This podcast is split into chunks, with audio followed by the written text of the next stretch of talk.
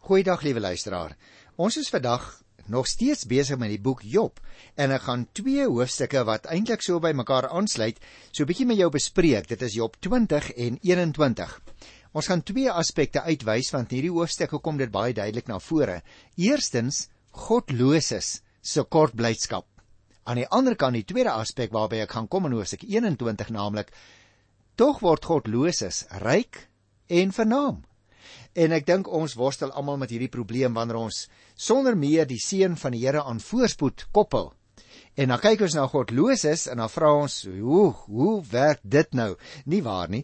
Nou maar goed, kom ons begin dadelik met die eh, eerste aspek wat ek wil bespreek by Hosea 20. En dit is hier Job se een vriend wat aan die woord is met die naam Sofar. Waarin hy probeer verduidelik die blydskap van die godlose duur eintlik net 'n oomblik. Nou ek wil eers 'n paar inleidende opmerkings maak oor hierdie saak want dit is 'n baie interessante onderwerp vir luisteraar. Sofar se woorde het weer eens bevestig in hierdie gedeelte dat hy die verkeerde aanname gemaak het want hy het sy argumente gegrond op die idee dat Job skyn heilig was. Ag, fooi tog, ek wil amper sê die arme Job. Hierdie ouens troos hom elke keer met woorde wat nie toepaslik is op sy situasie nie, want hulle maak aannames aanvanklik dat hy gesondig het en daarom verdien hy nou al hierdie lyding volgens hulle. Nou hier kom daar nou 'n nuwe argument van Sofar se kant, naamlik dat Job eintlik baie skynheilige persoon is. Sofar het dus eintlik te kenne gegee dat Job nie reg gelewe het toe dit met hom goed gegaan het nie en daarom het God sy rykdom weggeneem. Dis Sofar se hele argument. Sofar was onder die indruk dat Job se krisis 'n bewys is van sy sondigheid en nou ook van sy skynheiligheid. nou liewe luisteraar, natuurlik was Sofar verkeerd om so teen Job te velde te trek, maar hy was wel reg toe hy gesê dat sondige mense uiteindelik gestraf sal word. Die sonde lyk natuurlik altyd vir jou en my ook aan die begin baie aantreklik. En dinge soos leuns en diefstal bring soms wel tydelik, miskien vir 'n mens iets in sy sak. Daar is selfs mense, luisteraars in ons tyd, wat baie voorspoedig is ondanks hulle sonde. Met ander woorde, daar is nie noodwendig 'n direkte verband tussen swaar kry en lyding nie. En andersom is dit ook so. Daar is nie noodwendig 'n direkte lynregte verband tussen sonde en straf nie. Maar uiteindelik sal God se geregtigheid seëvier. Sofar het natuurlik nie geweet dat die straf nie altyd in hierdie lewe sal kom nie. Soms word dit tot die laaste oordeel uitgestel, tot op daardie dag waarop die sondaar vir ewig van God afgesny sal word. Ons moenie beïndruk wees, liewe luisteraar, met die sukses en die mag van slegte en goddelose mense. Volgens die Bybel sal die Here hulle straf. Partykeer doen hy dit in hierdie lewe. Dit kan ook uitgestel word tot die lewe in die hiernamaals, maar dat die Here sonde straf, kan daar geen twyfel oor wees nie. Die Here doen dit. Ons moet nietemin versigtig wees vir 'n reglynige verband tussen voorspoed en ongety as 'n voorspoed sou dui op seën van die Here en ongety sou dan duur op sonde wat ons gedoen het. Daar is nie so 'n reglynig verband nie. Nou maar goed. Kom ons lees die eerste 5 verse hier by Job se 20ste hoofstuk en dan gesels ons met mekaar daaroor. Toe het Sofar die Namaatit vir Job gesê: "Ontsteltenis dwing my om te antwoord. Dit maak my haastig om te praat. Ek hoor 'n regwysing wat my beledig, maar ek wil verstandig daarop antwoord." Weet jy wat vroeër gebeur het van die tyd af toe die mens op die aarde geplaas is? Jy weet tog dat die vreugde van die goddelose van korte duur is, dat die blydskap van die godlose net 'n oomblik duur? Jy sien dit word ook gestel as 'n vraag, my liewe aarde Job, weet jy dit nie? Weet jy nie dat dit so is dat die blydskap van die godlose net 'n oomblik duur nie? Nou miskien liewe luisteraar, lyk dit vir my het Sofar 'n oorwinningsglimlag oor Job se ingevalle ou gesig sien plooi. En ook hoe dit gou weer in 'n trek van pyn. Sofar het naamlik die laaste woorde van Job 19 by vers 28 so bietjie begin verstaan. Ontsteltenis laat hom haastig praat. En uit die derde vers blyk dit dat 'n teregwysing, soos dit hier genoem word, by wyse van 'n pak sla, immers wat 'n ongehoorsame kind verdien, baie goed is. Hy is wel beledig, maar wil verstandig probeer praat. So met ander woorde, sofar is ook nie op sy mond geval nie, né? Hy sê, hoorie so Job, met jou antwoorde beledig jy my so bietjie. Maar ek wil nou vir jou sê, ek wil so verstandig moontlik met jou praat. nou ons het van tevore gesien, liewe luisteraars, hoe dat hierdie vriende van Job hulle self vreeslik slim hou en selfs baie verstandig. Maar elke keer oordeel hulle verkeerd en gee hulle ook verkeerde raad omdat hulle nie vanuit Job se gesigshoek na die hele situasie kyk nie. Die 4de en die 5de vers wat ons gelees het, lyk vir my baie duidelik dat uh Sofar hom weer eens beroep op die tradisie. En die keer is dit so oud soos die skepping van die mens self. En sy aanname kom daarop neer dat die godlose se oorwinningskreet en vreugde van korte duur is. Luisteraar, kom ons kyk nou na Job die 20ste hoofstuk hier van vers 6 tot by vers 10 en ek gaan dit eers vir jou lees en gesels ons daaroor. Al sou sy trots, nou na nou gaan dit natuurlik oor die goddelose nê. En dit is uh, so verward in die woord is. Hy sê al sou die goddelose se trots tot in die hemel reik en sy kop aan die wolke raak, sal hy so sy eie uitwerpsel vir altyd vergaan. Die wat hom geken het, sal vra: "Waar is hy?" Hy verdwyn soos 'n droom. Hy's nêrens te vind nie. Hy raak weg soos 'n gesig in die nag. Die oog wat hom gesien het, sal hom nie weer sien nie. Sy plek is vir altyd leeg. Sy kinders sal die armes moet vergoed. Met sy eie hande sal hy sy rykdom moet teruggee.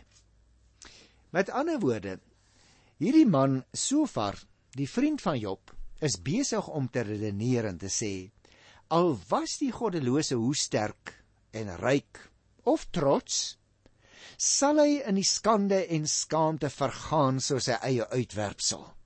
Met ander woorde, Sofar maak 'n baie baie duidelike en 'n finale uitspraak dat die godlose al verhef hy hom tot watter hoogtes ook al, hy sal vergaan, soos wat?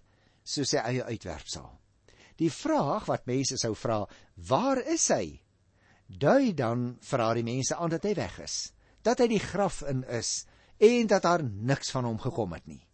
Van 'n droom en wat so van noem 'n gesig in die nag. Hou mens soms nog 'n herinnering oor, is dit nie waar nie luisteraar? Maar die droom en die gesig in die nag van die goddelose sal wat verdwyn. Van hom hou jy geen nadenking oor nie as die vir goddelose weg is, as hy verdwyn het, dan is hy finaal weg. En nou word hier in die 10de vers het jy opgelet weer gepraat oor die lot van die goddelose solank hy nog lewe. Reeds in sy lewe, sê Sofar, en in die van sy kinders, begin die meel alreeds maal. Wat onregmatig gevat is, moet met rente vergoed word. So Sofar het geen twyfel hieroor nie vers 11 tot by vers 15 verander sy gedagte nog so bietjie. Hy sê: "Die jeugdige krag van sy liggaam gaan saam met hom in die graf in. Hoewel hy onreg soet smaak in sy mond en dit wegsteek onder sy tong, dit opgaar en nie wil laat vaar nie. Dit teen sy verhemelte vasdruk, gaan sy kos omdraai in sy maag en in hom word soos die gif van 'n slang. Die ryk kos wat hy verslind het, gaan hy opgooi. God sal hom dit laat opbring. Nou dit is vreemde beelde vir ons, liewe luisteraars, moderne mense. Ons praat nie sommer van hierdie soort goed in ordentlike geselskap op hierdie manier nie, maar nou blyk dit so verdraai geen doekies om nie. Hy verwys hier na die jeugdige krag van die goddelose. Maar is so vars argument. Selfs die goddelose se jeugdige krag vervry waarom nog glad nie van 'n vroeë dood nie. En net soos wat Job lyding geproe het, gaan so ver voort in vers 12 tot 13. So geniet die goddelose die onreg. Rol dit soos 'n lekkerny in sy mond rond. Maar vers 14 sê dit baie duidelik. Maar te veel van dieselfde soort kos word vir die mens soos die gif van 'n slang in sy maag. Die ryk kos volgens vers 15 wat niks anders is nie as die skatte wat deur onreg bymekaar gemaak is, verslind hierdie persoon nie. Dit word deur God van die goddelose af weggevat deurdat sy lewe anders loop as normaal. Natuurlik, hy gaan dit opgooi, staan daar, in plaas om daarvan te verteer in sy liggaam. Met ander woorde, hierdie man Sofar sê, hierdie ou sal nie eers liggaamskrag kan opwek uit die krag wat hy uit die kos wat hy geëet het nie, want hy gaan daarvan naar word, hy gaan daarvan opgooi, hy sal daar geen enkele greintjie energie van gebruik om beter en vinniger te kan optree nie al sou sy optrede ook al watter pogings behels hy sal nie uiteindelik kan slaag nie. Luister na vers 16 en 17 wat hy drink is so slanggif jy sien hy het eers gepraat oor die kos wat die goddelose eet nou gaan hy oor na die vloeistowwe hy sê wat hy drink is so slanggif dit maak hom dood soos die pik van 'n adder Hy sal nie die strome water geniet nie, nie die strome heuning en dikmelk nie. Wat hy met moeite verwerf het, moet hy teruggee. Hy kan dit nie geniet nie. Hy sal hom nie verlustig aan die weelde wat hy deur sy eie besigheid verkry het nie.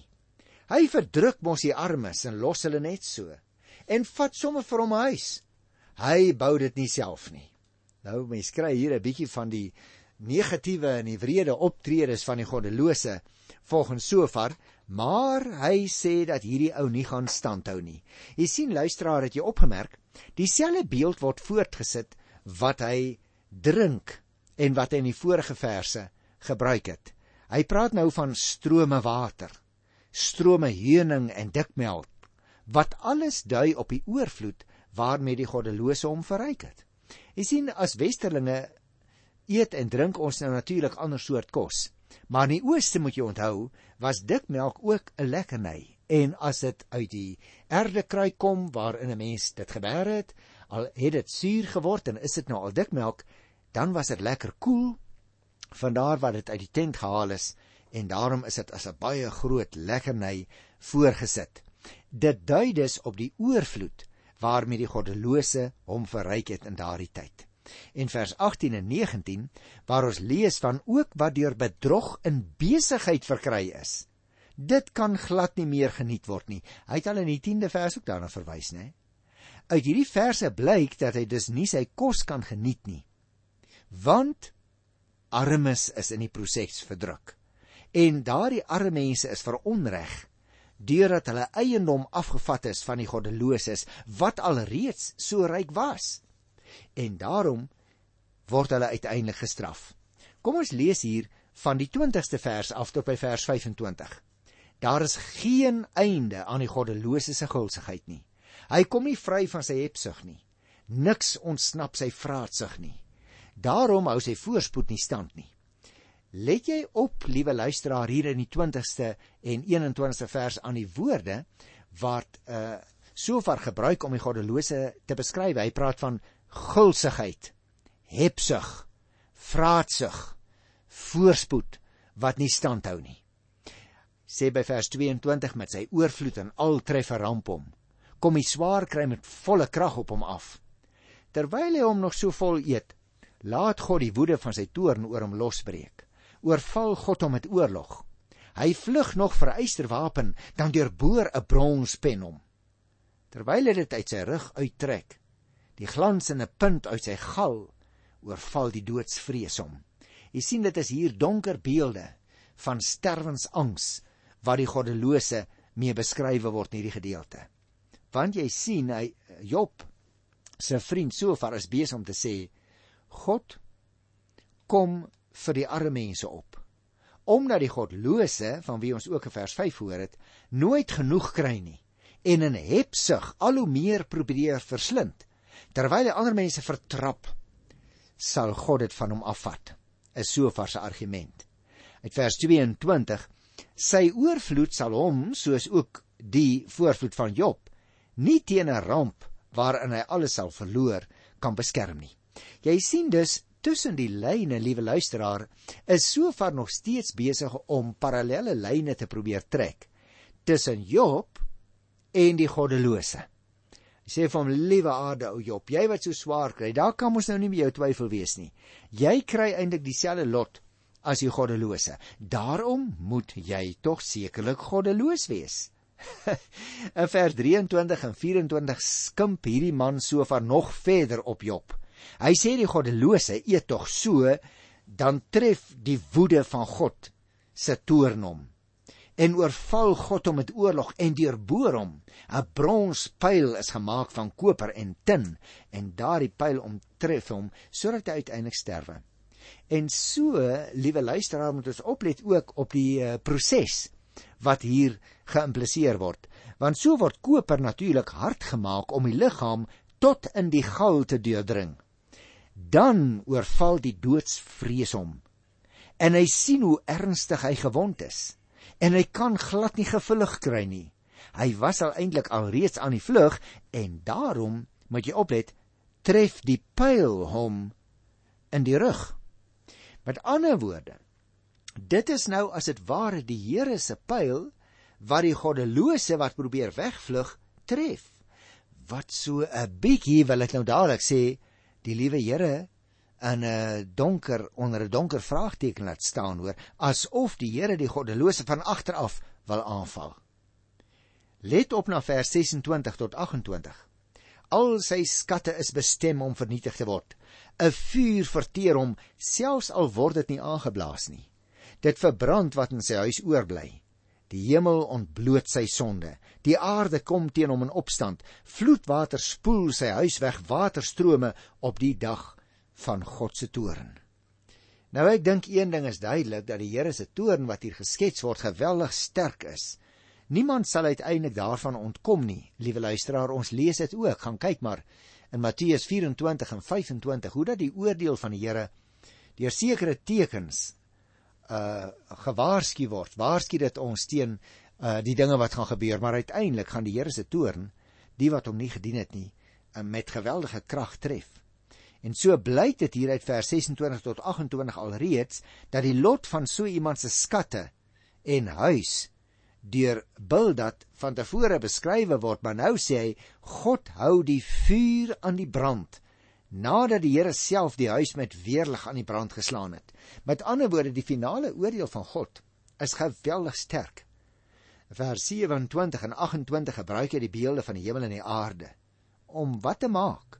Hy sê die hemel en die aarde maak die man se sonde bekend. Met ander woorde, hy gebruik of hy teken weer eens die natuurmagte soos die hemel en die aarde as persone, want ons weet natuurlik dit is nie lewende persone nie. Hulle het nie eie karakter nie, maar dis plastiese pragtige plastiese beeldryke beskrywings van hoe die natuur as dit ware ook die neus optrek en uiteindelik te velde trek teen die goddelose. En dan kom ons by die 29ste vers aan die einde hiervan Job 20. Daar staan: Dit is die lot van die mens wat skuil skuldig is voor God. Die deel van die een wat hom teen God verset. Jy sien liewe luisteraar, dit is nie maar net toevallig dat hierdie dinge gebeur nie. Die godlose word van die 5de vers af beskrywe as een wat skuldig is voor God wat hom teen God verset wat sover dus hier oor die godlose mens se lot te sê gehad het hou wesenlik eintlik maar niks nuuts in nie en is feitelik deurlopend 'n sinspeling op wat met Job gebeur het en wat Job as onregverdig teen homself beskou het met Job se situasie hou glad nie verder verband gehou nie en daar word glad niks gesê om arme ou Job te bemoedig nie van troos en jammer kry en as hy klag luister, is daar in die mond van Sofar geen sprake nie. Kom ek som dit op in 2-3 sinne deur te sê: Job beleef dat Sofar geen insig in sy wat Job is se persoonlike situasie het nie. En daarom sê hy dinge, daarom gee hy raad wat glad nie ter sake is nie. Ek het gesê ek gaan met jou oor twee aspekte gesels, liewe luisteraar. En die eerste een in Job 20 het gehandel oor die blydskap van die goddelose. Duur eintlik maar net 'n oomblik.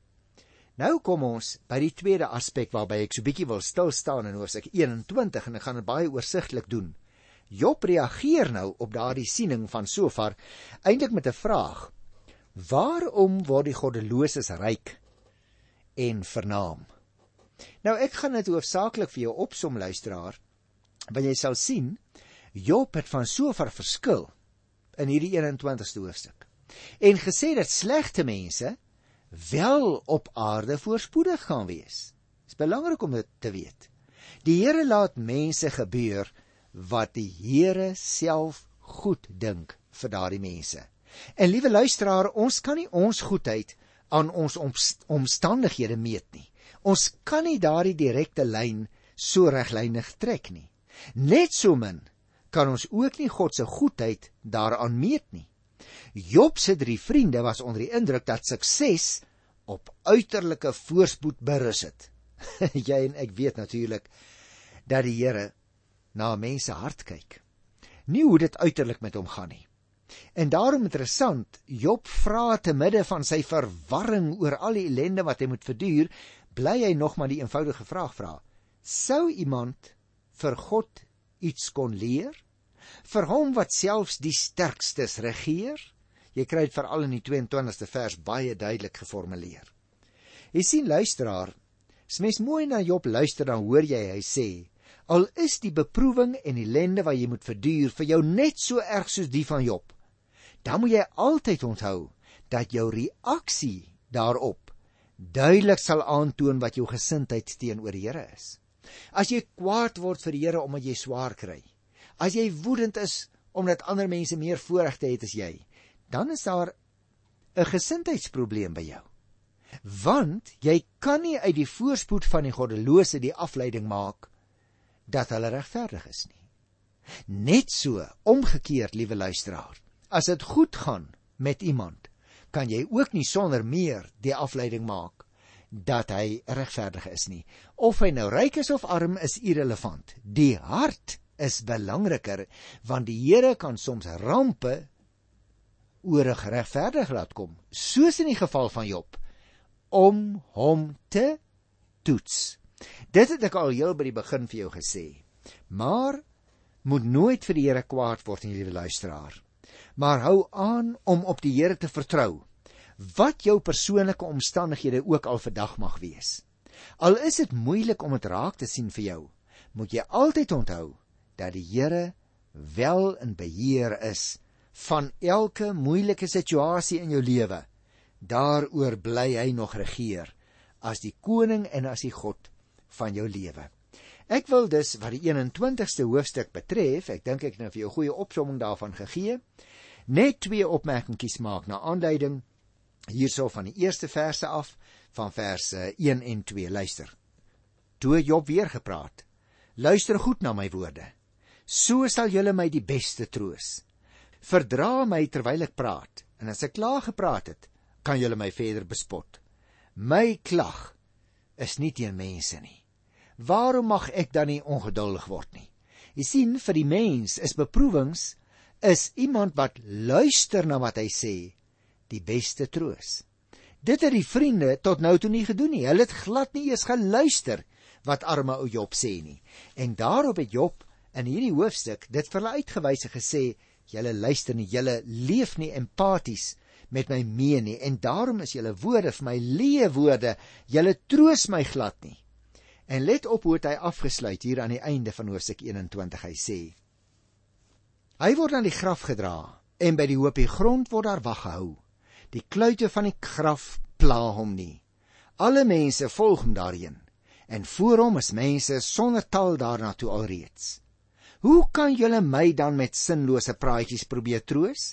Julle argumente is niks anders nie as bedrog. Jy sien, liewe luisteraar, kom ons som dit op. As slegte mense, ondanks al hulle sonde, voorspoedig is, hoekom moet ons dan nog probeer om reg te lewe? O ja, dit lyk miskien vir ons of hulle ongestraf bly, hoor.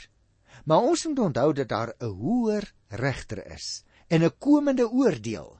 Openbaring 20 van die 11de vers af verwys ook daarna. Die finale oordeel, luisteraar, sal nie in hierdie lewe kom nie, maar in die volgende lewe. Wat wel belangrik is, is die mens se gesindheid teenoor die Here te midde van voorspoed of teëspoed. Dit is nie die voor of die teëspoed self wat belangrik is nie.